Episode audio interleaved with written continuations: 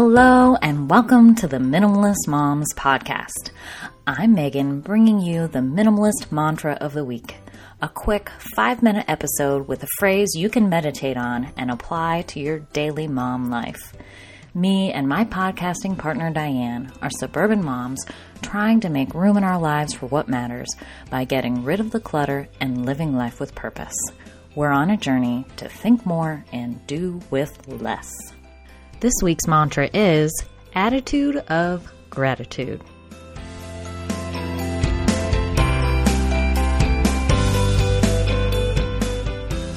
My favorite form of therapy is retail therapy. I've sought the aid of a retail therapist time and time again. The hours are always convenient for me, and you never have to make an appointment.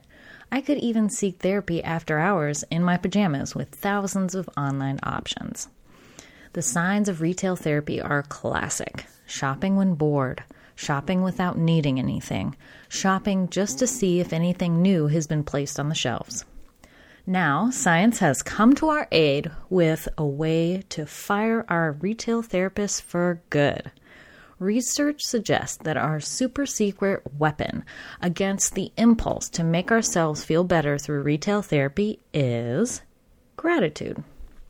Bet you didn't see that coming. That is why this week's mantra is having an attitude of gratitude. A recent study says that feeling gratitude can combat impulse purchases.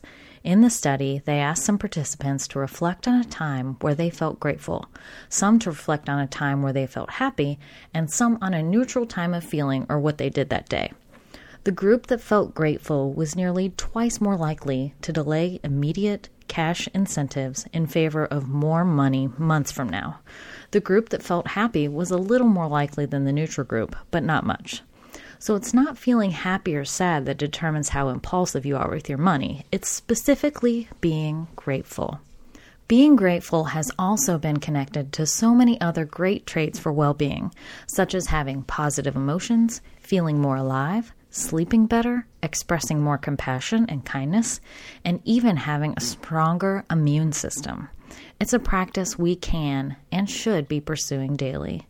And even better news is that gratitude works with our children too.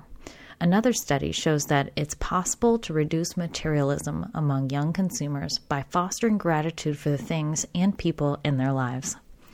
Now, this may sound like a nebulous concept. How exactly am I supposed to feel grateful? I've often heard the advice that we should keep a gratitude journal and write down three things we're grateful for each day. While this is absolutely a wonderful habit to maintain, I've failed miserably at keeping it up. What helps me feel grateful is keeping life simple so I can relish in knowing my needs are met Whenever I look in my tidy closet and I see the 30 or so items I'm wearing for that season, my heart fills with joy because I love each item and I know I'll look good and feel good in them. As a result, when I go shopping, I don't look longingly at the rack of cute t shirts. I'm grateful for the ones I love that are hanging in my closet at home. This works for any section of the store. I can recall feelings of gratitude as I walk through the home decor section, knowing my home is lovingly decorated and doesn't need anything else to clutter it up. When I walk by the toy aisle, I'm grateful for my little one's imagination and how they can play for hours with simple blocks, books, and dolls in their rooms. If that doesn't work for you, maybe it would help to think how you can model gratitude for your kids. How would they feel when you bring home a new toy? Or is it more likely they would feel gratitude if you spent some time playing a board game with them or baking some cookies? Maybe even sit for a moment before you go into the store and think of all that you have to be grateful for before you walk in. Know that what you're seeking isn't within the walls of this retail therapist. You already have more than most people around the world could ever dream of. Count your blessings and enter with an attitude of gratitude.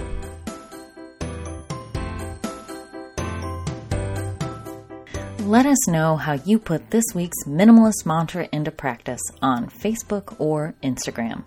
You can find us at Minimalist Moms Podcast. If this week's mantra was particularly impactful to you or you think a friend would benefit from it, please pass it along. We've included a complete transcript of this podcast on our website, minimalistmomspodcast.com.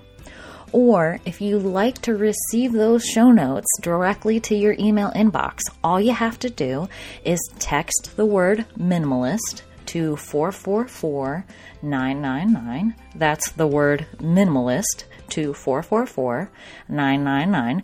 You will get a text and then you send them your email address and you'll automatically be signed up to get our show notes whenever a new podcast is posted. And don't forget to leave us a rating or review on iTunes. We throw a mini dance party every time we see one of those. We wish you a lovely week as you think more and do with less.